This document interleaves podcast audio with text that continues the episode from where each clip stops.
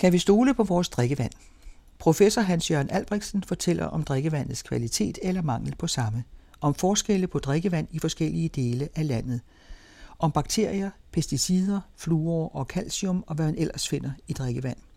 Vandbehandling og hvor farligt det kan være at behandle vandet selv. Hvordan fremtiden ser ud med hensyn til drikkevand. Hvordan har grundvandet det? Hvad med al den anden væske, vi drikker? Det er videnskabsjournalist Jens Deget, der stiller spørgsmålene. Du lytter til Science Stories. I dag er emnet vand, og vandet, som vi drikker det. Og jeg har allerede krydsforhørt Hans-Jørgen Albrechtsen rigtig meget om vand. Du er professor fra DTU, og øh, du arbejder med vand i rigtig, rigtig mange år. Du er biolog som baggrund. Og øh, jeg vil så starte med at spørge dig, hvordan blev du interesseret i vand? Ja, det er et godt spørgsmål. Øh, jeg tror i virkeligheden, jeg vil hellere sige, at jeg altid har været interesseret i miljø og, og, og det her med forurening og sådan nogle ting. Og da jeg så øh, var godt i gang med at læse biologi, så begyndte der pludselig at være nogle problemer med, at landbruget jo forurenede vores grundvand med nitrat.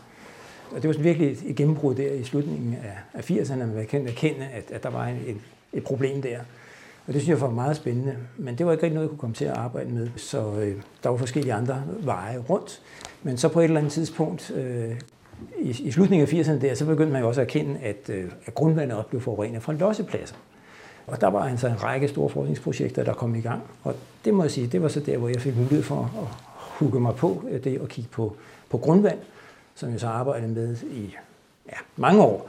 Øh, så begyndte der så i 96 begyndte der at være problemer med pesticider i grundvandet, og øh, så på et tidspunkt begyndte man også at kende, at de der pesticider kommer måske ind på vores vandværker, og, og det vil så sige, det er sådan set det, jeg arbejder med i dag, det er vores drikkevand og vores vandbehandling.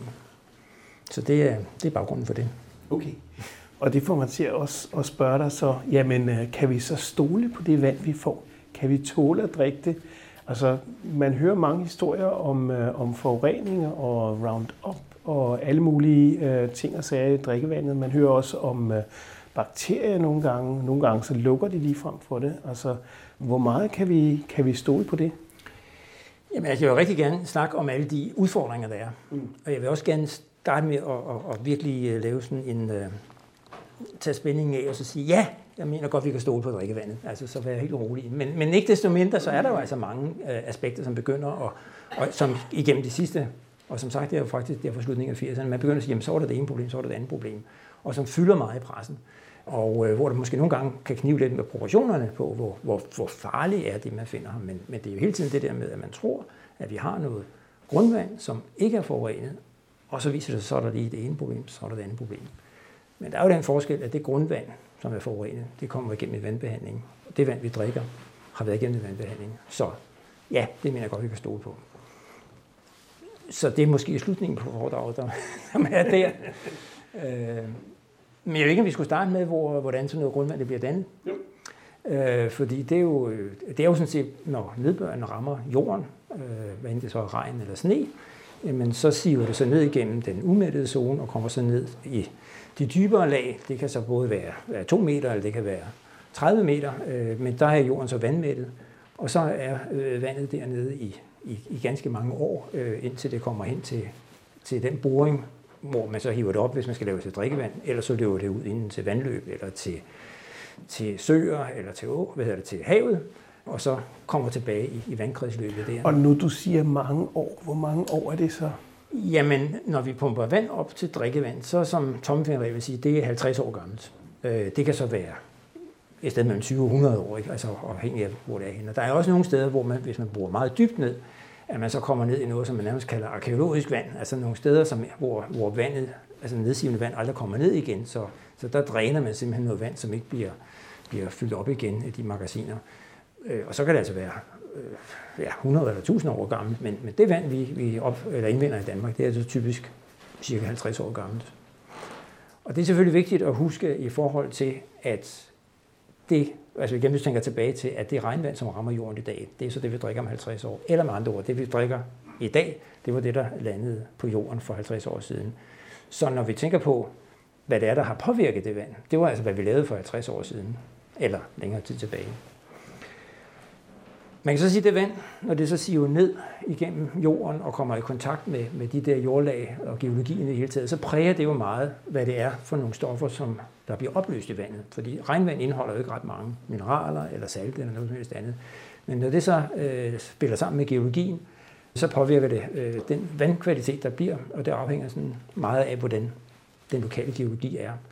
Og der er det, jeg ved ikke, om der er nogen af jer, der geologisk interesseret, men, men hvis man kigger på geologien i Danmark, så er det jo sådan, at øh, den vestlige del af, af Jylland, det er det, man kalder, altså vest fra randen.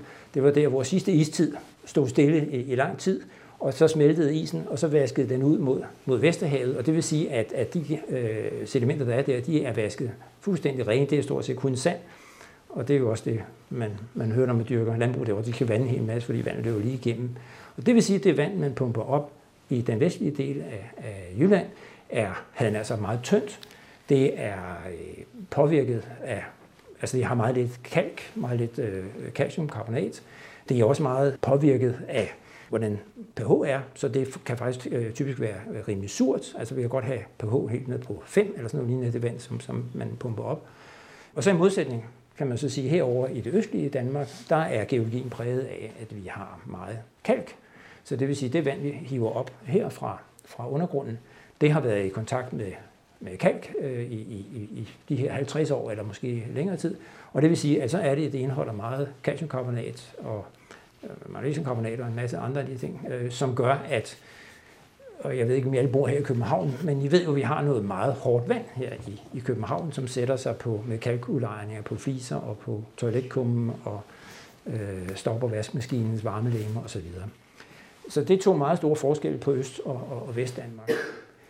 Så kan der også være nogle lokale forhold, som har indflydelse på, for eksempel hvis, hvis øh, det er nogle moseområder, øh, gamle øh, estuarier, øh, vandet løber igennem, at så er der så en høj øh, koncentration af arsen og nikkel, altså nogle stoffer, som arsen det er det, som indgår også i, i rottegift. Og det kan man godt forestille sig, det er ikke så rart at tænke på, at det er noget, der er i drikkevandet, så det skal selvfølgelig fjernes. Så det er nogle stoffer, som man absolut øh, ikke vil have i, i, i vandet. Og det er der så nogle bestemte områder, som er præget meget af. Der er også et, øh, den situation, at Danmark jo er et kystland. Altså vi, der er jo ikke nogen steder i Danmark, hvor der er mere end 100 km til, til kysten. Så det vil sige, at jo tættere man kommer på kysten, så er der jo risiko for, at det her badekar, der ligger nede som grundvand, at det bliver påvirket af havet. Øh, så hvis man, man pumper alt for meget vand op, så kommer der jo saltvand, der trænger ind. Og det vil sige, at man kan faktisk i de der kystnære områder, der er sådan en kraftig påvirkning fra øh, af saltvand ind i, i, i, grundvandet, som så også er et aspekt. Ikke det er farligt, men, men det er ikke rart at drikke saltvand. Og det gør altså, at der er nogle af vores øh, øer her, nogle små øer, Sejø for eksempel, de kan simpelthen ikke pumpe øh, grundvand nok op til at lave vandforsyning øh, ud fra det, så de må simpelthen afsalte det øh, og bruge nogle øh, renseteknologier til det. Der er jo det specielle ved Danmark, at vi kun drikker grundvand. Det er faktisk det eneste land i hele verden, der er øh, baseret på grundvand alene. Vi pumper også vand op fra jo stort set altid, så vi har meget decentral vandforsyning. Og historisk set, så har vi også rigtig mange vandværker. Og øh, vi har faktisk i størrelsesorden 2.500 vandværker. Det er et absurd højt tal, kan man sige. Så, det, så jeg også kan forestille, at nogle af dem er, er faktisk meget små. Og hvis man sammenligner med, med, med øh, for eksempel Holland, som jo har øh, fem eller otte gange flere indbyggere, end vi har i Danmark, så har de cirka 12 vandværker. Så det er jo en, en, en anden grad af professionalisme, øh, som, som præger dem, fordi de er så meget større. Og det, jeg, jeg startede med at sige før med, at, at, at grundvandet er det, der er vores udgangspunkt for at lave drikkevandet. Men så kommer det jo igennem en, en behandling. Og, øh, og jeg skal også øvrigt sige en anden ting, fordi når, når det her grundvand det siver ned og kommer ned i, i undergrunden, så øh, sker der også et, et forbrug af den ild, der er i det vand, der siver ned, så det bliver øh, typisk ildfattigt, altså anaerobt, som man kalder det. Og det vil sige, så er der pludselig nogle processer, som ligesom løber baglæns, øh, og det vil sige, så er der altså nogle stoffer, som begynder at optræde som reducerede stoffer, så altså jern og mangan og metan og ammonium og sulfid også for eksempel. Øh, og for nu lige at tage, hvad det er for noget sulfid, det er det, der smager og lugter af rådden æg, så det vil vi helst ikke have i vores drikkevand. Jern og mangan øh, er jo opløst, øh, når det er på den reducerede form, og det vil sige, at så er det i vandet, og jeg hvis vi lige tænker tilbage inden, fra når vi var på besøg hos bedsteforældrene i, i, ude på en gård øh, i Danmark, eller på Ødegården oppe i, i Sverige, eller sådan et eller andet, så den her fornemmelse af at drikke vand, som virkelig smager af jern og metal, det er altså fordi, der er netop jern og mangan i vandet. Det er ikke farligt, men det er ikke særlig rart. Og så sker der så ydermere det, at når de stoffer bliver iltet, så begynder de at fælde ud, fordi jern 2 bliver til jern 3, og jern 3 det er rust, og rust fælder ud. Så det vil sige, så får man en rødfarvning af, ja, hvor det nu end fælder ud. Og, og hvis der er nogen, der har vasket hvide skjorter i, i rødt vand, det er altså ikke godt. Øh, og mangan er endnu værre, fordi det bliver oxideret fra mangan 2 til mangan 4, som også falder ud, og mangan 4 er sort. Så, så det er endnu værre. Øh, så, så derfor er det altså vigtigt, at de ting bliver, bliver håndteret på, på et vandværk. Så det vil sige, at det første, der sker i vores vandbehandling på vandværkerne, det er faktisk, at der sker en iltning. Og det er, I kender fra altid, når, når enten dagspressen eller tv skal vise øh, et eller andet fra et vandværk, så ser man den her iltningstrappe, som grundlæggende er en trappe, hvor der er vand, der risler nedad. Og det, der sker der, det er jo så, at, at, at vandet kommer i kontakt med almindelig atmosfærisk luft, og så bliver ilten fra luften opløst i vandet, og kan så bruges i de efterfølgende øh, processer. Der kan også ske det i den proces, at øh, hvis der for eksempel er meget koldioxid i vandet, og det kan der typisk være netop, hvis vi snakker i de mere vestlige dele, så øh, kan det også dampe af, øh, og det vil sige, at det påvirker sådan set også pH i, i, i vandet. Og netop hvis der er sulfid, så vil der også være noget, der kan stribe af. Så der sker faktisk en hel del ting i, i den der beluftningsproces, som er i, i virkeligheden en simpel proces.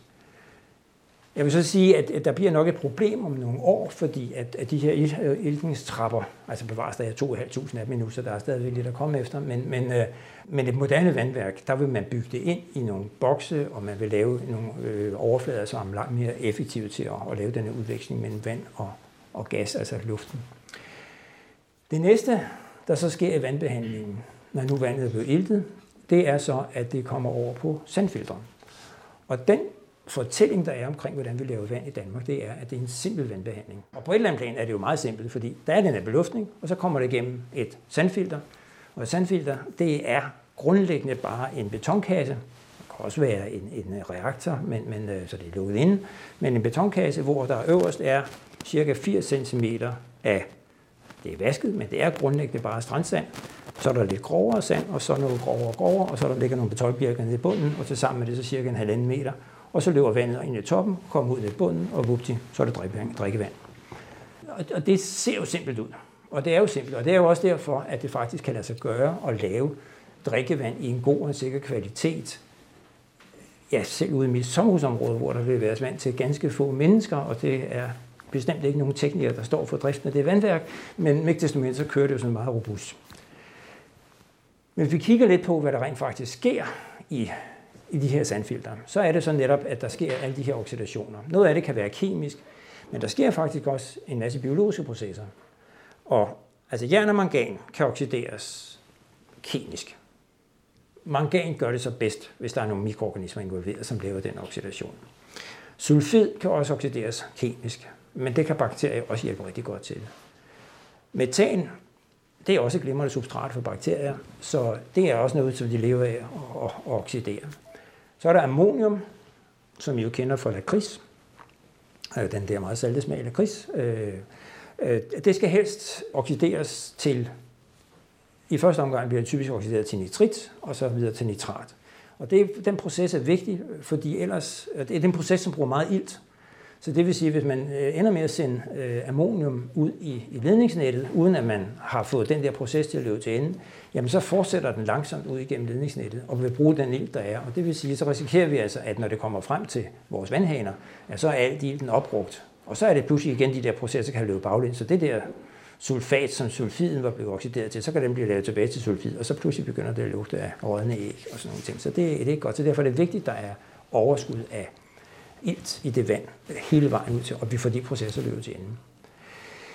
Den der proces med at omsætte ammonium til nitrit, det er en, som sagt en biologisk proces.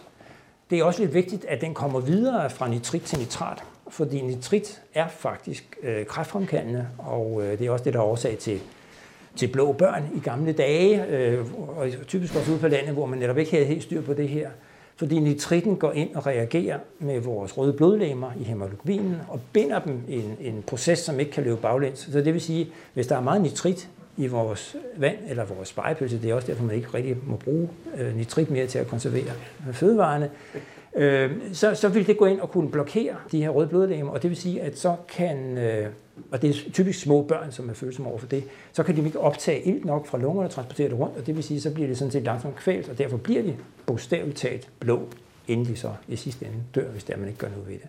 Så, så der er både en akut og en, en langsom øh, effekt af det. Så derfor er det helt afgørende, at nitritten bliver oxideret videre til nitrat.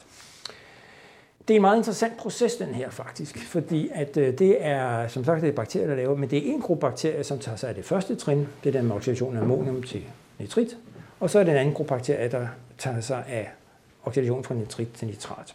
Og de er sådan lidt øh, picky og, øh, alle sammen, så, så, så de er sådan meget afhængige af, at pH er rigtig, og omstændighederne er rigtige, og de, der er nok af dem og sådan noget. Så det er typisk, når man laver et nyt vandværk, så er det typisk den proces, som er aller vanskeligt at få i gang.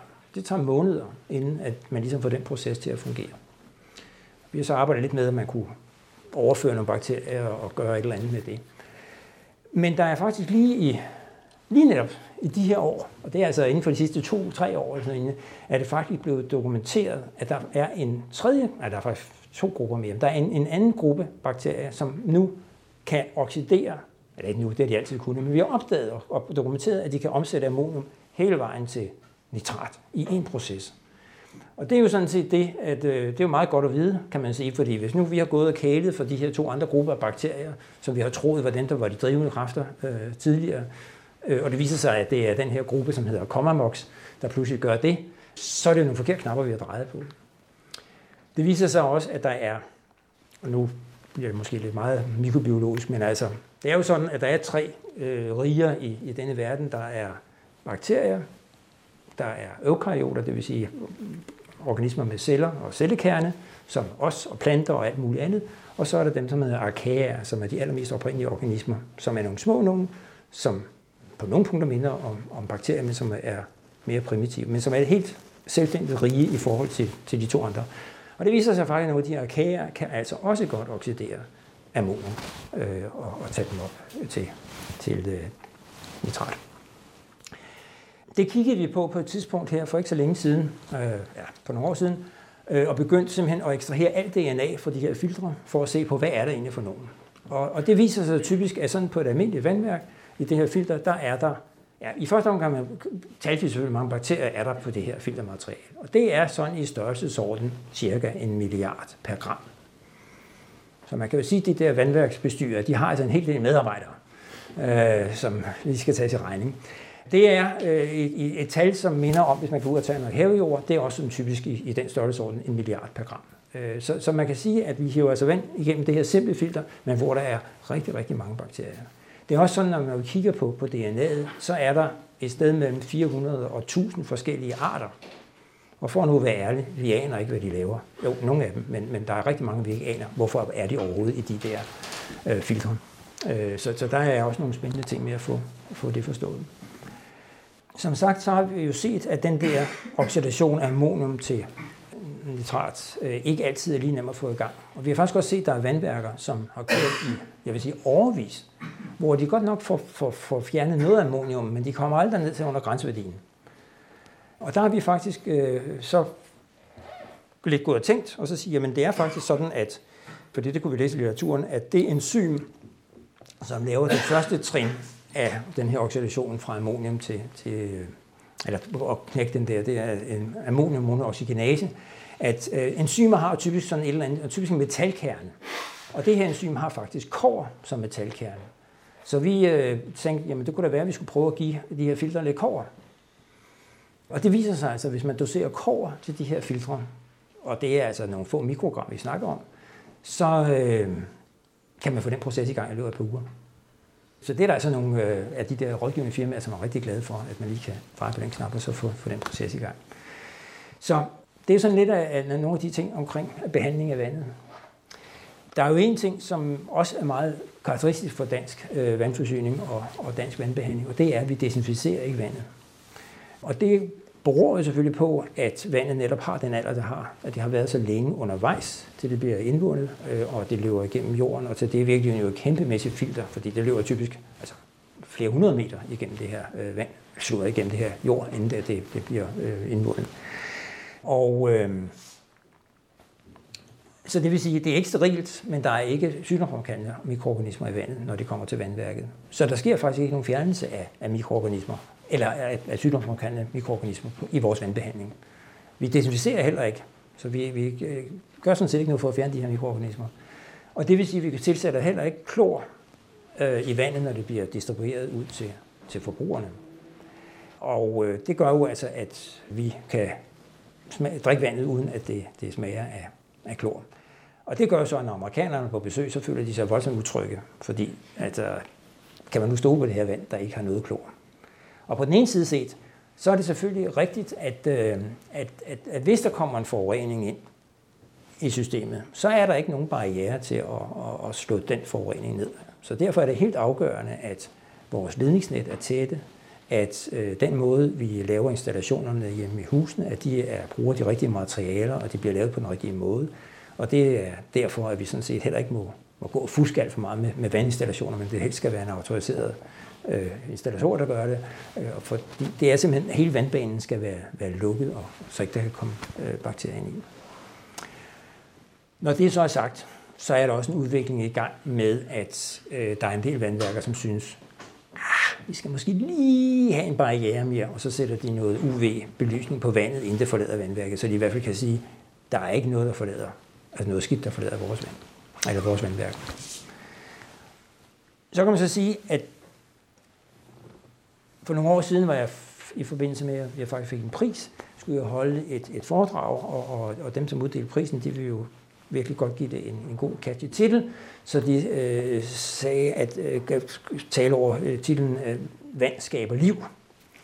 Og det skulle jeg måske have sagt indledningsvis, men, men, men vi ved jo godt, og det ved I jo også, at vand er helt afgørende for liv, altså også afgørende for os. Vi kan leve ikke godt, men, men jo i ugevis uden at få noget at spise, men det er kun få dage, inden det står rigtig skidt til, hvis vi ikke får noget vand. Men, øh, men, men der kom jeg til at sige, jamen det der med liv, altså der skal heller ikke være for meget liv i det her drikkevand, fordi at, øh, det skal ikke være sterilt, men, men det skal helst være sikkert. Og det er faktisk sådan, at det vand, der kommer ud af hanen, øh, hvis vi går ud og drikker noget herude, jamen der er typisk i størrelsesorden 10.000 bakterier per milliliter. Altså det vil sige, øh, ja, det er jo så en, en, en øh, 10 millioner per, per liter.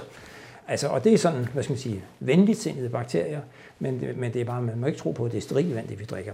Og det kan måske virkelig være, være godt. Det kan være, altså, og det er meget det mad, vi spiser, er jo heller ikke uden bakterier. Men, men det er meget godt lige at, have, at være opmærksom på, at det, at det ikke er sterilt.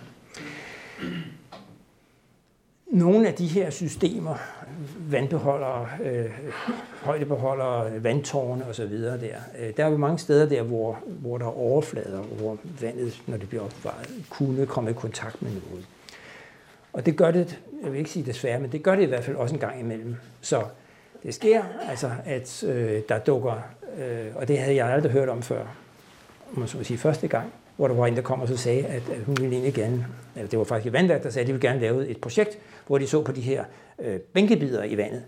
Ah, jeg tænker, det var, det var måske ikke det mest øh, relevante, fordi det måtte da være et særtilfælde, men men det viser sig faktisk, at når man begynder at kigge efter, så kan man finde øh, vandbænkebider rigtig mange steder i vores system. Og vi ser dem ikke, øh, når de kommer ud af, eller de, de kommer ikke ud af vandhanen, fordi der er jo forskellige filtre det sidste sted. Så, men der er altså forskellige organismer, der lever i, i, i, i også det rene vand. Og det kan man så sige, at øh, ja, det er måske okay, fordi at, øh, det er i hvert fald tegn på, at det ikke er farligt øh, på den måde. Om på den anden side, hvad lever de så af?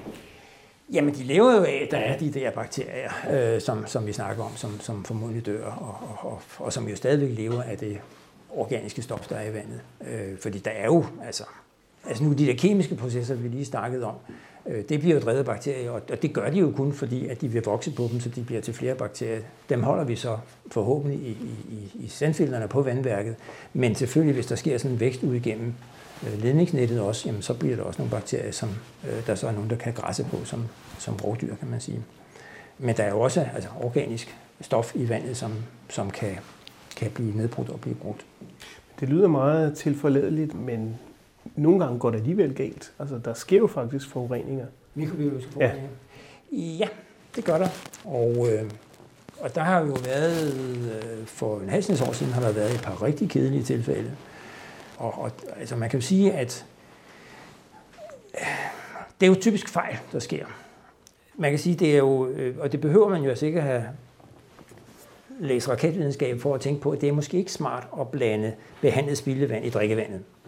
Øh, og det er jo heller ikke noget, der gør med vilje, men det var faktisk det, der skete nede omkring Køge her for en 10 år siden, hvor, øh, og igen, der er jo ikke en rygende pistol, men altså, der var simpelthen en, en vej, hvor stort set alle familier, der boede der, de var syge. Og øh, det var sjovt nok den vej, som lå tættest på, hvor det lokale rengøringsanlæg det lå. Og det var faktisk sådan, at den vandmåler, der var på det vandværk i weekenden for inden, havde løbet baglæns. Så der er simpelthen noget, der tyder på, at man har fået pumpet vand ud fra rensningsanlægget ud i drikkevandssystemet. Og det har selvfølgelig ikke været, været, været råt spildevand, men, men det var formodentlig fordi, at man brugte noget af det behandlede spildevand, øh, som jo så var renset, øh, til at skulle opblande nogle af de øh, stoffer, man bruger til at fælde i øh, fældningskemikalier i, i spildevandsbehandlingen. Men, men så var det måske nemmere at bruge noget drikkevand, og så har jeg måske fået lavet nogle krydsforbindelser og gjort nogle dumme ting. Et andet tilfælde, der har været, der, der var også, øh, altså, hvor der også var noget skidt. Nej, undskyld udtrykket, men, men det var det jo, fordi at det viste sig faktisk, at renvandsbeholderen lå nede under vandværket, og der var et toilet, og altså, det, det var ikke nogen god kombination. Og det gør jo så, at folk bliver syge. Så, så det er jo, når der sker sådan nogle fejl, det, det er rigtig, rigtig dumt. Og så er der jo ikke nogen barriere, når ikke der er klor i vandet. Så det er sådan set problematisk, hvis det sker. Der har også været tilfælde, hvor der har været oversvømmelser af, af indvindingsboringer, og så er det løbet ned i, og så bliver kommet ind på, på vandværket, og så er der sådan set heller ikke nogen barriere til at stoppe det. Så det er helt afgørende, at de der systemer er lukket. Og det er rigtig trist, når folk bliver syge af det, fordi det er typisk noget diarrésygdom, man får. Omvendt må man sige, når man sidder og kigger på de tal, der er øh, med hensyn til udbrud, som kan relateres til drikkevand, så er det altså under 10 procent af, hvad der kan relateres til mad. Så når vi, altså rigtig mange af de, altså det er jo sådan med salmonella og sådan noget, det er jo så typisk øh, et sted mellem, mellem, mellem 10 og, og 40.000 mennesker, der bliver syge om det her om året. Øh, og det er så typisk netop, fordi man ikke får håndteret kødet ordentligt i køkkenet. Og det er altså størrelsesorden 400 mennesker, der bliver syge. Så det, det er ikke, det, det skal ikke ske, men, men det, er, det, er, det er et fortal. Det er det virkelig.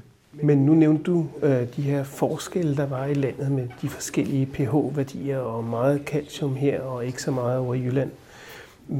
Hvad har det indvirkning på sundheden og, og drikkevandskvaliteten? Ja, det er et spørgsmål, som kan svare, besvare på flere måder. Fordi, altså, den ene ting er, at, øh, at, at det ser ud til, at hvis man laver sådan en, en undersøgelse og kigger på for eksempel tandsundhed, fordelt over hele landet og kigger på forskellige kommuner, og man kan så måle på, det er så typisk 15-årige børn, hvor mange øh, tilfælde af, af, af huller eller angreb af tandfødderne, de har, det registrerer man, det har alle tandlægerne styr på. Og man så ser på det de forskellige kommuner, og man så relaterer det til den vandkvalitet, der er de pågældende steder, så er der en svag tendens til, at jo blødere vandet er, jo højere er forekomsten af, af huller.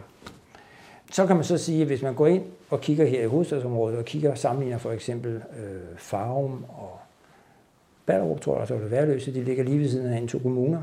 Der er markant forskel i indkomstgrundlaget af de to øh, kommuner, og øh, vandkvaliteten er stort set den samme. Og der, vil jeg sige, der er det altså nok mere indkomstniveauet, som er styrende for, hvordan øh, tandkvaliteten er i de to kommuner. Så der er noget socioøkonomisk, som spiller meget ind over, over det her. Og man må også sige sådan, at det fald, altså den tandsundhed, den forbedring af tandsundhed, vi har oplevet igennem de sidste 50 år eller mere, det er jo ikke fordi vandkvaliteten har ændret sig. Det er jo fordi, at, at man laver forebyggende indsats, og man er opmærksom på, at man skal børste tænder, man skal bruge fluer osv. Så det er selvfølgelig en, en parameter. Fluer, apropos tænder, er jo en anden ting. Øh, fordi fluer i små mængder er godt til voksne mennesker. Det er vigtigt for vores øh, emalje på tænderne, at den, den bliver hård og bliver holdt ved lige. Så det er derfor, at anbefalingen er, at, at de skal bruge tandpasta med fluer. Og I skal bruge en centimeter per overmund og en centimeter per undermund. Og I skal ikke skylle tænderne, når I har børstet tænder, fordi det skal have lov at virke. Det vidste de godt, ikke? Altså, og så til gengæld, så er det faktisk ikke godt for, for, for små børn. De må ikke få for meget fluor, så derfor skal man sørge for at bruge altså tandpasta til børn, til børn. Men, Uden fluor. Ja, i hvert fald med lavere koncentrationer af fluor. Øh, Øh, det er faktisk også sådan, at hvis man når højt op i alderen og, og, og i øvrigt har det problemer, så kan man få en, øh, en, en ekstra fluor tandpasta, som er særlig meget fluor til det. Men, men, øh, så det vil sige, at lidt fluor er godt, og for lidt er, er skidt, men for meget fluor er rigtig skidt, fordi det giver sådan nogle, øh, nogle øh, sorte pletter på vores tænder, fordi det gør simpelthen, at emaljen går fuldstændig i stykker. Så, så, øh, og det har også betydning for vores knoglesundhed. Så øh, de steder, hvor der er problemer med fluor, det er som regel ikke, fordi der er for lidt fluor i vandet, det er fordi, at, fluorkoncentrationen er for høj. Så, så det er også en parameter, der, der betyder noget for, for sundhed, øh, rigtigt. En anden parameter, som øh, er... Be- Nej, jeg skal også sige en ting mere, og det er, at magnesium øh, ser også ud til, at hvis, at hvis der er en vis mængde magnesium i vandet, så ser det ud til, at det kan være med til i sådan nogle store undersøgelser at forebygge eller hvad reducere forekomsten af hjertekarsygdomme. Så derfor vil vi egentlig gerne bevare noget magnesium i, i vandet. Og så her på det seneste er der kommet nogle undersøgelser af navnlig øh, nitrat. Øh, og nitrat er et stof, som jo bliver brugt som gødning i landbruget, øh, og jeg siger lige også, at ammonium bliver oxideret til nitrat, og der er en høj grænseværdi for, for nitrat, det er 50 mg per, per liter, så den er meget høj, så, så normalt har vi betragtet det som, ja, altså for meget er selvfølgelig ikke godt, men, men altså, det, det, det, der er masser af rum til det. Men der er altså så en ny undersøgelse fra, fra Aarhus Universitet, som tyder på, at måske helt ned til størrelsesorden 3-4 mg, altså en tiende del af grænseværdien, at det måske kan forøge risikoen for mave-tarmkræft. Det er så, kan man så sige, det vil måske på landsplan være øh, måske 10 tilfælde, eller 15 tilfælde, eller sådan noget lignende. Så man kan sige, hvor meget skal man gå ind i det? Men det ser ud til, at der er en effekt. Og, og det kunne så være, at det måske virkelig noget, man skulle kigge efter øh, på, et, på et tidspunkt. Så det er sådan det sundhedsmæssige. Smagsmæssigt betyder de der forskellige sammensætninger øh, også rigtig meget. Altså, så, så vand smager jo forskelligt, hvor man nu pumper det op. Og det gør jo, at der er jo, der er jo Danmarksmesterskab i vand. Jeg ved ikke, om I vandsmagning, jeg ved ikke, om I nogle Grand Prix, øh, øh, øh, så hvor, hvor de forskellige vandværker kan sende deres vand ind, og så smager nogle, eller nogle øh, en sommelier eller, eller andre trænede smager, smager på de forskellige vand, og så udnævner de en til årets bedste vand. Ja, altså. Og vi, vil jeg tro, øh, er rigtig glade for vores vand, lokale vand. Jeg synes, det smager godt, når vi har været på ferie, det så sydpå, og så kommer jeg hjem og smager vores eget vand. Jamen, det, det smager altså godt. Og, så er det simpelthen, og det gør det jo blandt andet, det smager karakteristisk i hvert fald, fordi der faktisk generelt er meget salte i, i, i dansk vand, fordi det netop er grundvand. Og det er jo sådan lidt i modsætning til for eksempel i Norge, hvor det er overfladevand og, og, og meget blødt. Så jeg kender det i hvert fald flere nordmænd, der synes, at det der danske vand, det smager altså lidt for meget salt til. Så de synes slet ikke, det smager godt. Så det er meget individuelt, det der med, hvad der er den, den gode smag på, på vandet. Øh. Jamen, den oprensning, du fortalte om før, får den så også effektivt og fuldstændigt renset pesticiderne og alle de andre ting, som man bruger ude i, i landbruget? Ja, så det er så det næste gode spørgsmål. Fordi der er jo sket det de sidste par år her, at der er begyndt at... Altså det var faktisk helt tilbage i 89, der begyndte man at måle for pesticider i, i grundvandet øh, først. Og de første par år, der var der en masse ævl og kævl, fordi der måtte være noget galt med analyserne. Fordi man fandt nogle pesticider, og vi ved jo alle sammen, at der er ikke pesticider i det her grundvand. Der må være noget galt med boringerne. Så må der være noget galt med den måde, man havde taget prøverne på, eller de opbevaret på.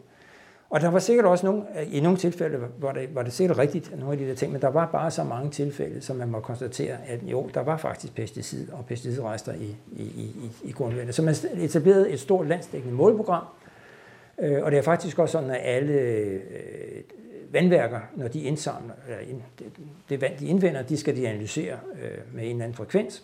Øh, det er så typisk hver tredje år. Øh, og så skal de sende resultaterne ind til en fælles database. Så vi har faktisk en stor database, der hedder Jupiter, hvor alle de her informationer de ligger. Øh, der kommer en rapport en gang om året, som fortæller, hvor mange fund man finder af pesticider. Og det har faktisk været en, en græsselig udvikling siden da, fordi at der er simpelthen bare fundet at flere og flere boringer, hvor man har fundet pesticider. Og man vil sige, at altså, man kan opgøre det her på mange måder, men, men det er faktisk sådan, at øh, hvis man kigger på nogle af de boringer, som indgik i, jeg tror det var 2010, og som har været undersøgt i de her 25 år, man har kigget på, på det her, øh, så viser det sig faktisk, at cirka halvdelen af dem, der har man på et eller andet tidspunkt fundet pesticider eller pesticidrester. I gennemsnit er det, hvis man kigger sådan ud over landskabet, så er det en 20-25 procent af de indvindingsboringer, man, man, man øh, indvinder på, hvor man finder pesticidrester. Det betyder ikke, at de er over grænseværdien. Og vi har en meget lav grænseværdi, øh, som hedder 0,1 mikrogram, og den gælder for hele Europa. Så jeg siger ikke, det er farligt. Men, men man må sige, at netop landbruget sætter altså et markant aftryk på vores grundvand, og det er så det, vi kan, kan se i dag. Der er jo så sket det de sidste par år. Ej, jeg skal måske også sige lidt svare på de spørgsmål, vi bliver mm. renset. Og der var jo for nogle år siden, øh, hvor øh, der var et øh, pesticid, der hed øh, diklobenil, øh, som bliver nedbrudt til et, en nedbrydningsprodukt, der hedder BAM. Øh, og, øh, og det der diklobenil, det blev solgt under navnet Prefix, fordi det var så godt, man fik det jo ligesom sådan et salt, og det dryssede man simpelthen ud på sine fliser eller sine perlesten, eller hvad det nu var om foråret, og så det langsomt det blev opløst og slog alt ukrudtet ihjel, så man behøvede bare at gøre det en gang om året, og det var simpelthen smart. Det var faktisk så smart, at der var nogle kommuner, der når de nu lagde nye fortog, så lige inden de lagde fliserne, så drøjede de godt ud af det her præfix ned under fliserne. Der var så lige det med det stof, at, øh, fordi det var et godt stof, øh, det virkede, og øh, det, var, det var som sagt øh, ikke noget, der blev udvasket særlig nemt, øh, og det var let nedbrydeligt. Og det var så lige der, hvor nogen havde glemt at tænke sig om, fordi net nedbrydeligt til hvad? Det var net nedbrydeligt til det her metabolit, der hed BAM, som ikke som sådan var farligt, men som netop havde en række af de modsatte karakterer af moderstoffet, nemlig det, det var meget let opløseligt i vand, og det blev transporteret meget hurtigt. Og det var i øvrigt ikke særlig nedbrydeligt. Så det var det stof, man fandt. Det var ikke moderstoffet. Altså, det var ikke diklobenin, men det var BAM, man fandt i grundvandet. Og det fandt man der i midten af 90'erne. Og faktisk blev temmelig rystet over, at man fandt det i de mængder og så mange steder. Og det har altså gjort, at nogle steder har den forurening været så stor, så man har været nødt til at sætte noget behandling i gang for at fjerne det. Det kunne for eksempel være Hvidovre, som har øh, lavet øh, en behandling af det. Og uden at skal være alt for teknisk, så øh, er det, øh, gør man det ved hjælp af det, der hedder aktiv kul, som altså er noget, noget kul, man har varmet op til ca. 1200 grader, og så giver man det sådan et skud vand eller et eller andet, så det bliver aktiveret, som det hedder. Det vil sige, at det sprækker op og laver et enormt stort overfladeareal. Det er sådan en størrelsesorden. At per gram er der en overflade, der er cirka, cirka 1000 kvadratmeter. Det er sådan cirka en fodboldsbane per gram af det her. Og den her enorme overflade, det er altså så der, hvor øh, pesticider og i øvrigt også andre organistoffer, de, de så binder sig til det. Så når vandet løber ned igennem det her filter, så bliver pesticiderne holdt tilbage, bliver bundet på det og, og, og fjernet på den måde. Og det fungerer sådan set fint. Og så troede man, at der var en masse læring af det. Men så her for et par år siden, så begyndte man at finde et andet stof. Øh, nemlig et stof, der hedder øh, desphenylchloridazon, som også er et nedbrydningsstof fra chloridazon, et stof, man har brugt, når man har dyrket roer, igen et, et, øh, et uh, ukrudtsmiddel. Uh, øh, og det er helt tydeligt, man finder det. Altså man kan virkelig se sådan tværs over, over Danmark. Det er Sjælland, det er, er, er Sydsjælland og øerne, det er altså uh, Lolland Falster, hvor man virkelig har dyrket mange roer. Der er det tværs over Fyn, og så uh, Sønderjylland, østlige del af, af Jylland. Og det er simpelthen der, man har dyrket roer, og det er der, man finder det. Og uh, det viser sig faktisk, når man begynder at lede efter det, det fandt man pludselig rigtig, rigtig mange steder. Så man så siger, man, kan det være nogen overraskelse? Mm, ja, og det var det en overraskelse, fordi at på den ene side var det det ikke.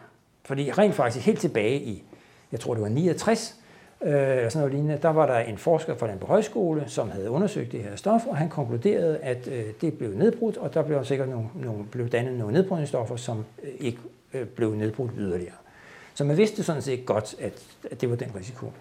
Og så for, nu kan jeg ikke huske det præcise årstal, men lad os så sige en, en 10 år siden eller sådan noget lignende, der tænkte man, at nu må vi hellere forbyde det her stof, fordi der er jo risiko for, at de her øh, nedbrydningsprodukter bliver dannet. Og jeg forstår simpelthen ikke, hvorfor myndighederne ikke sagde, jamen når vi har en risiko, det er fint at forbyde stoffet, men hvorfor tager man ikke lige og laver nogle målinger for at se, om det nu er et problem? For det gjorde man ikke. Så det var kun fordi, at man i forbindelse med nogle punktkilder, altså det vil sige nogle steder, hvor man enten bevidst eller øh, på nogle øh, øh, maskinstationer, hvor man har brugt rigtig mange af de her pesticider, havde spildt dem, og hvor man lavede en undersøgelse af, af det øh, for nogle år siden, og der fandt man det stof. Og det var så i nærheden af, en, af, af et vandværk, og så tænkte de her vandværk, at jamen det kunne da være, at vi lige skulle tjekke vores vand, Fordi det kunne være, at der var noget af det der i. Og det var der så. Og så begyndte nogle andre vandværker at kigge på. Så, og så fandt man det altså.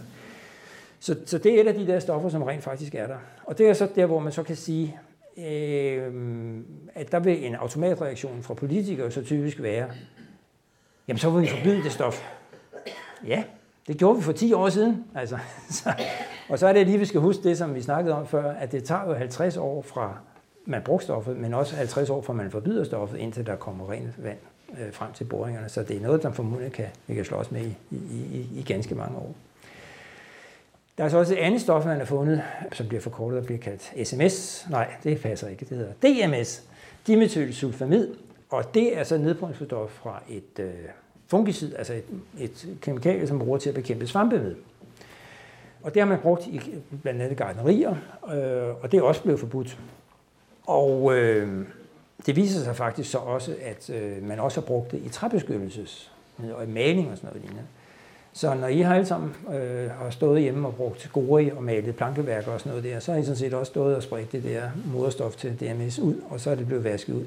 Så i virkeligheden så er der et helt andet fundmønster for, for, for det stof, øh, fordi det er mere relateret til netop byområder, sommerhusområder, steder, hvor man øh, har plankeværker eller træhuse. Og så er der jo nogle steder, hvor det ikke passer sammen. Så der er ikke helt styr på, hvor det egentlig er, at de her de kommer fra. Altså, øh, men, men det kunne også... Øh, det er både noget, som vi som ikke landmænd øh, bruger som amatører, altså, og så kan der være nogle andre stoffer, som, som er brugt i den her gardnerier eller, eller landbrug. Der er så lige en interessant ting ved det her, fordi det er også et stof, som er blevet forbudt som pesticid. Og det er sådan, at, at det må heller ikke bruges som biocid mere. Og biocid, det vil sige, at det er noget, man tilsætter til maling eller til træbeskyttelsesmidler, for at det skal virke som en del af den måde, som det, at det, den stof det virker. Altså som, når malingen, så skal den også være øh, svampevækst, øh, og, og så tilsætter man det som biocid.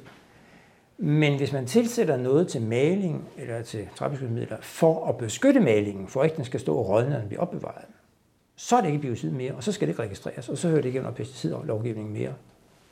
Og så er der ikke styr på det. Så derfor ved vi egentlig ikke, om det stadigvæk bliver tilsat til, til, til, til nogle træbeskyttelser. Altså Gore har været ude og sagt, at vi har analyseret, vi bruger det ikke mere. Men, men det, der er det rigtige vemmelige ved de to stoffer, det er, at på den ene side set er det egentlig ikke, fordi de er særlig farlige, de metabolitter. Jeg er ikke bekymret over det som sådan. Det kan jeg vende tilbage til. Men øh, hvor dysfenylkortisonen, den bliver fjernet fint, også i aktiv kul. Så det vil sige, at videre var sådan set fint med, at de har fundet det, fordi det blev fjernet i aktiv kul. Det var ikke noget problem. Men DMS, det er så et lille molekyle, så jo, det bliver også bundet på det her aktive kul, men ikke nær så godt. Så det vil sige, at hvor man manuelt skifter det her aktive kul ud hver tredje, fjerde år, så hvis man skal være sikker på, at, at, øh, at DMS'en også bliver fjernet, og den ikke når at løbe igennem, og man får brugt alle de der sidepladser, der er i, i de kul, bruger dem op, så skal man skifte dem hver tredje måned. Så det vil sige, at det bliver pludselig meget dyrere. Så derfor er forsyningerne faktisk ikke særlig glade for at, at, at bruge øh, det stof. Øh, eller hvad skal man sige, så de, de er ikke tilfredse med den behandling, så de mener sådan set ikke, der er et ordentligt måde at fjerne øh, DMS på. Og for nu at lave den her øh, dramahistorie endnu værre, så var der jo et, et øh, fjerde, tredje fjerde stof, som dukkede op øh, her i foråret, ude ved øh, Egedal, tror jeg det var, øh, vandværk. Nemlig øh, klorotalonil amid sulfonsyre. Det er et af de stoffer, man skal øve sig på at sige, og jeg har øvet mig i dag, så det var rigtigt sagt. Jeg kan ikke tegne det for jer, det beklager jeg. Men, men, øh, men det var et stof, som faktisk øh, er potentielt, eller på det tidspunkt troede man, at, eller kunne man ikke afvise, at det var kræftfremkaldende eller, eller celleforandrende, altså mutagent. Og det er jo simpelthen øh, på den måde et af de absolut værste stoffer, man har fundet i, i, øh, i, i vandforsyningen indtil videre. Og der må man sige, at vi havde sådan set ikke noget beredskab. Vi vidste ikke, om det kunne fjernes med aktiv kul, eller med, om det skulle membraner, eller hvad der skulle til. Det var faktisk også svært at analysere for det. Der var ikke nogen laboratorier, der umiddelbart kunne gøre det. Det viser sig så, at aktiv kul kan også godt fjerne det, så det er sådan set godt og sikkert, og det har så også vist sig efterfølgende her hen over sommeren, at det stof ikke er mutagent. Men altså, det resulterede faktisk i, at Miljøstyrelsen ændrede drikkevandsbekendtgørelsen og grænseværdien for det her stof og satte det ned til en tiende del af, af grænseværdien. Og der vil jeg så sige, at der, der, der bliver jeg faktisk nervøs, fordi hvis, altså, det er simpelthen det, det, det værste stof, øh, man har fundet af, af de stoffer øh, endnu. Øh, men det var så ikke så farligt, som det så ud til. Og der er noget, det kan godt, det kan godt fjernes. Men øh, Og så er der så også i fjerde stof øh, nogle, nogle svampemidler, øh, som også er dukket op her. Øh, så altså, hvis I har fulgt med i pressen, så vil I jo have det her indtryk, at der virkelig er mange vemmelige stoffer i vores, vores grundvand. Og så er det igen, jeg vil sige, ja, det er grundvandet, men vi har en behandling, og vi kan fjerne det, når vi er opmærksom på det. I forhold til, om det er farlige, de her pesticider, så synes jeg sådan set, at det er vigtigt at være opmærksom på, at den grænseværdi, der er fastsat for drikkevand på de 0,1 mikrogram, og det er, hvad man nu end man mener med EU, en grænseværdi, der er fastsat i EU, og den er fastsat helt tilbage i 89. Og man satte den til den niveau, ikke fordi, at man havde vurderet, at det var farligt med det grænseværdi, men det var cirka det niveau, man kunne analysere for. Så man sagde simpelthen, jamen vi vil ikke kunne påvise de her stoffer i vores drikkevand. Og der er en del af den regning, man lige skal huske at med, og det er jo, når man i Europa siger drikkevand, så er det det behandlede vand. I Danmark, der strammede vi skruen, og så sagde at vi vil heller ikke have, at det skal være i grundvandet. Så det er sådan set den grænseværdi, vi har brugt. Jeg vil også sige sådan, det er også sådan, at i, i EU, der er det pesticidet, man snakker om. I Danmark, der har vi også strammet til at sige, at det skal også gælde for nedbrydningsprodukterne. Så vi har strammet skruen lidt mere, og det er selvfølgelig, fordi man gerne vil lave, altså være forsigtig og, og, og, og gå foran på den led der. Men den grænseværdi på det 0,1 mikrogram, hvis vi sammenligner med grænseværdien i fødevarer eller drikkevarer, så er det faktisk sådan, at den er typisk 100 gange, måske også nogle gange 1000 gange højere. Og sådan en grænseværdi i fødevarer, den er fastsat ud fra, at man har lavet øh, undersøgelser, hvor man har prøvet at se på, hvornår begynder man at få, enten hvornår skal slå man noget akut ihjel, selvfølgelig for styreforsøg, man har ikke lavet menneskeforsøg med det, men altså, man kan fastsætte nogle toksikologiske værdier, man kan se på, hvornår øh, man, man kigger efter på, om der er leverskader, der er alle mulige andre øh, undersøgelser, man laver. Og på baggrund af det, så siger man så, okay, her har vi altså et niveau, øh, som giver i cirka 50% af tilfældene nogle skader. Så det er vores, vores øh, udgangspunkt. Så lægger vi en, en sikkerhedsfaktor på, typisk en faktor 100 eller noget i den retning, og så går vi ud og så ser på, okay, hvor meget indtager vi så af de her øh, forskellige øh, fødevarer, eller mælk, eller hvad det nu er for noget. Og så justerer man så grænseværdien for de pågældende produkter for det. Så det gør som sagt, altså, at, at, at hvis man drikker en kop vand, så er grænseværdien 0,1 mikrogram, og hvis man drikker en kop mælk eller en kop kaffe, så kan den godt være for det samme øh, produkt være øh, 1000 gange højere. Altså, og så kan man selvfølgelig så sige, hvorfor nu det? Og skal vi ikke så ikke bare hæve grænseværdien for drikkevand? Og det synes jeg sådan set er en dårlig idé. Men jeg vil også sige sådan, at vi skal lige overveje, om vi skal fare ud med absolut dyre behandlingsmetoder for at fjerne selv små mængder af nogle pesticider, som vi sådan set har en idé om, at de er nok ikke farlige. Men omvendt er der selvfølgelig det, at de her grænseværdier, det gælder jo for kommercielt dyrkede fødevarer. Og vi kan jo bare vælge at gå ud og købe nogle økologiske varer. Og så er der per definition ikke pesticider i dem. Men det skulle meget nødigt være sådan, at vi står hjemme ved vandhanen og så tænker på, hmm, skal jeg nu købe noget vand, eller skal jeg drikke det vand i vandhanen? Øh, hvad er det, jeg så stole på? Der er det meget vigtigt, at vi kan stole på, på det vand, der kommer ud af vandhanen, og vi har tillid til det. Og det skal også være sådan, og nu plejer jeg at sige, det jeg kunne sige det sidste år, jeg har lige fået barnebarn, så man bliver pludselig mere opmærksom på, hvad betyder det så faktisk, det her med, at man skal lave modermæsterstatning af det vand. Stoler man nu på det der, og hælde det, her lille barn? Og det skal man kunne. Og derfor stiller, er det helt rimeligt at stille nogle krav, skarpere krav til drikkevandet, end man gør til for eksempel mælk og juice eller andet, fordi det kan man vælge. Men, men vi kan også vende den om og sige, øh, stoler du på det vand, du øh, hælder ud af en flaske? Ja, det er et yderligere godt spørgsmål, fordi at øh, der er selvfølgelig kontrol med det vand, øh, på samme måde som der er det med det vand, der kommer ud af hanen. Men Øh, jeg vil hævde den påstand, at for mange, meget af det flaskevand, der er kvaliteten ringere end det, der kommer ud af vandhanen. Ringere, fordi at vandet er i kontakt med plastik, øh, og plastik, uanset at det er beregnet til fødevarer, og, og i det her tilfælde til vand, det afgiver typisk nogle af de øh, stoffer, som plastikken er lavet af. Så dem kan vi finde i, i, i drikkevand. Så kan man så sige, okay, hvis vi så køber en Evian på glasflaske, så tror jeg måske også, at, at så er vi tættere på, at så er det et, et godt produkt, øh, og som måske er øh, bedre end vandhanen, kan godt være. Men, men altså, jeg vil sige, det der flaskevand, som, som jo er det, der bliver solgt rigtig, mere, eller rigtig meget af, det er ikke bedre. Og i øvrigt så er det jo har det stået opbevaret længe, og det vil sige, at nogle af de der stoffer, der bliver afgivet fra plastikken, det er der bakterier, der kan spise. Og igen, det vand, der kommer øh, som er de her flaskevand, det er meget ofte vand, som er taget op af en boring, hvor man sender noget af det ud til, til, til øh, som kommunalt drikkevand, og noget andet hælder man på flasker. Altså e-kilde, det kan godt være, at det ikke er den samme øh, forsyning, men altså det, det, det er simpelthen den samme grundvandsressource, der bliver brugt til, til den kommunale vandforsyning, og så til produktion af, af, af for eksempel e-kilde. Og, og, og der, så det er ikke sterilt, og derfor er der bakterier i der. Ikke sygdomsfremkaldende bakterier, men der er bakterier i, og det vil sige, når de så får adgang til nogle af de der stoffer, der bliver afgivet fra plastikken, jamen så bliver der flere bakterier. Så det vil sige, når, når de får lov at stå i, i et stykke tid, jamen så er der flere bakterier. Det er ikke farligt, men det er ikke en bedre kvalitet. Mm. Her for nylig har du været meget ude i pressen og kritisere nogle ændringer i, øh, i vandloven, som gør, at man øh, begynder at behandle vandet selv. Kan du fortælle om det? Ja, altså den ene, er, den ene del er selvfølgelig det her med, at øh, netop på grund af al den presse, der har været omkring pesticider, at øh, så er der selvfølgelig også nogen, som gerne vil sælge nogle produkter, som fjerner både det ene og det andet. Og jeg vil ikke sige, at de ikke gør det, fordi det kan godt være, at de gør det, men, men man kan se, at øh, nogle af de produkter, de fjerner pesticider, de fjerner tungmetaller, de fjerner klor. Punkt 1 har lige sagt, at der er ikke klor i dansk drikkevand, så det kan de godt sige, at de fjerner tungmetaller, det bør være reguleret, så det er også fjernet. Så er det de der pesticider, og ja, der har desværre været nogle tilfælde af, hvor man har fundet det, men, men det er jo noget, man håndterer på vandværket. Så det er rimelig gratis at sælge de der øh, produkter, for at folk øh, kan håndtere det.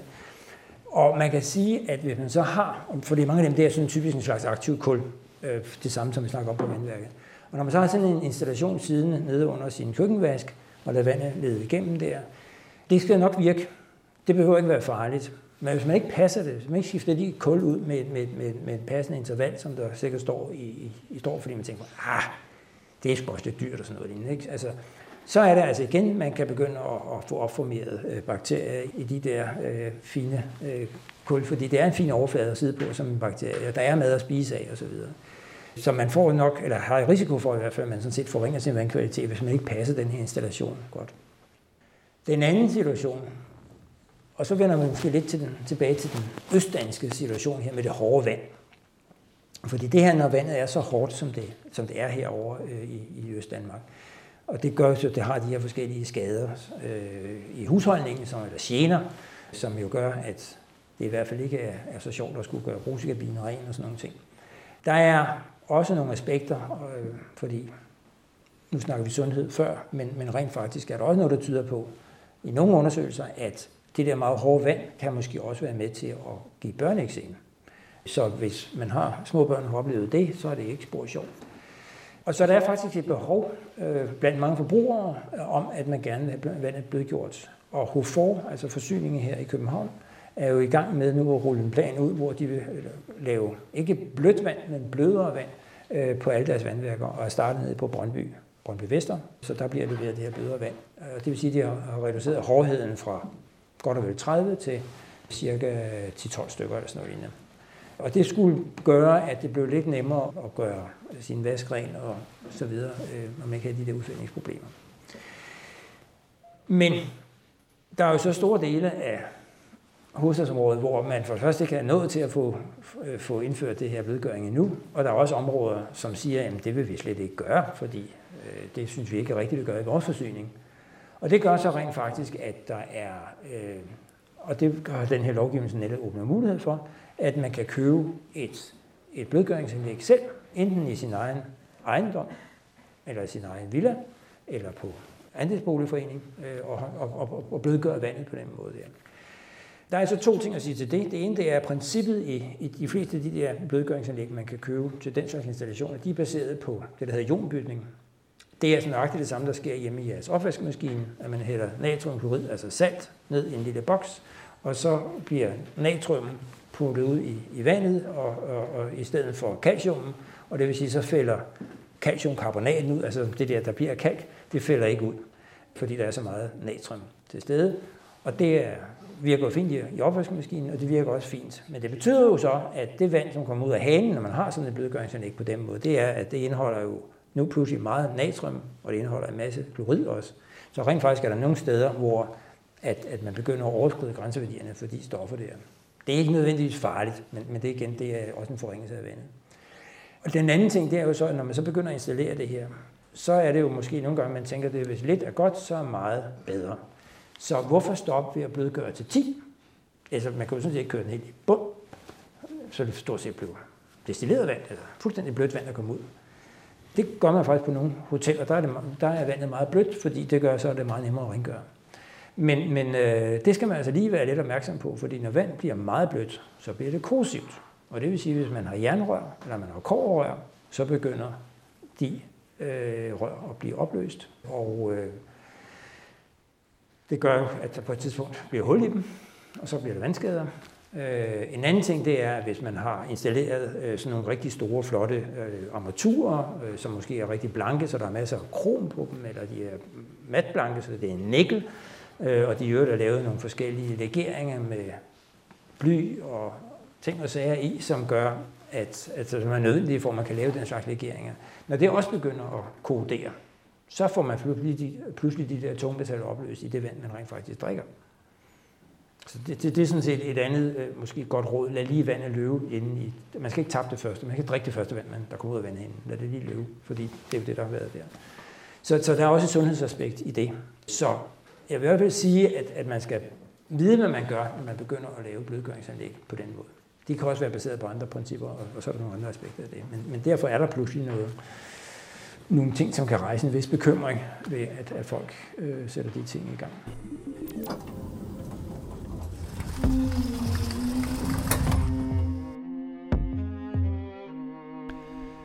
Det var professor Hans-Jørgen Albrechtsen, der fortalte om drikkevand og vandkvalitet til videnskabsjournalist Jens Deget.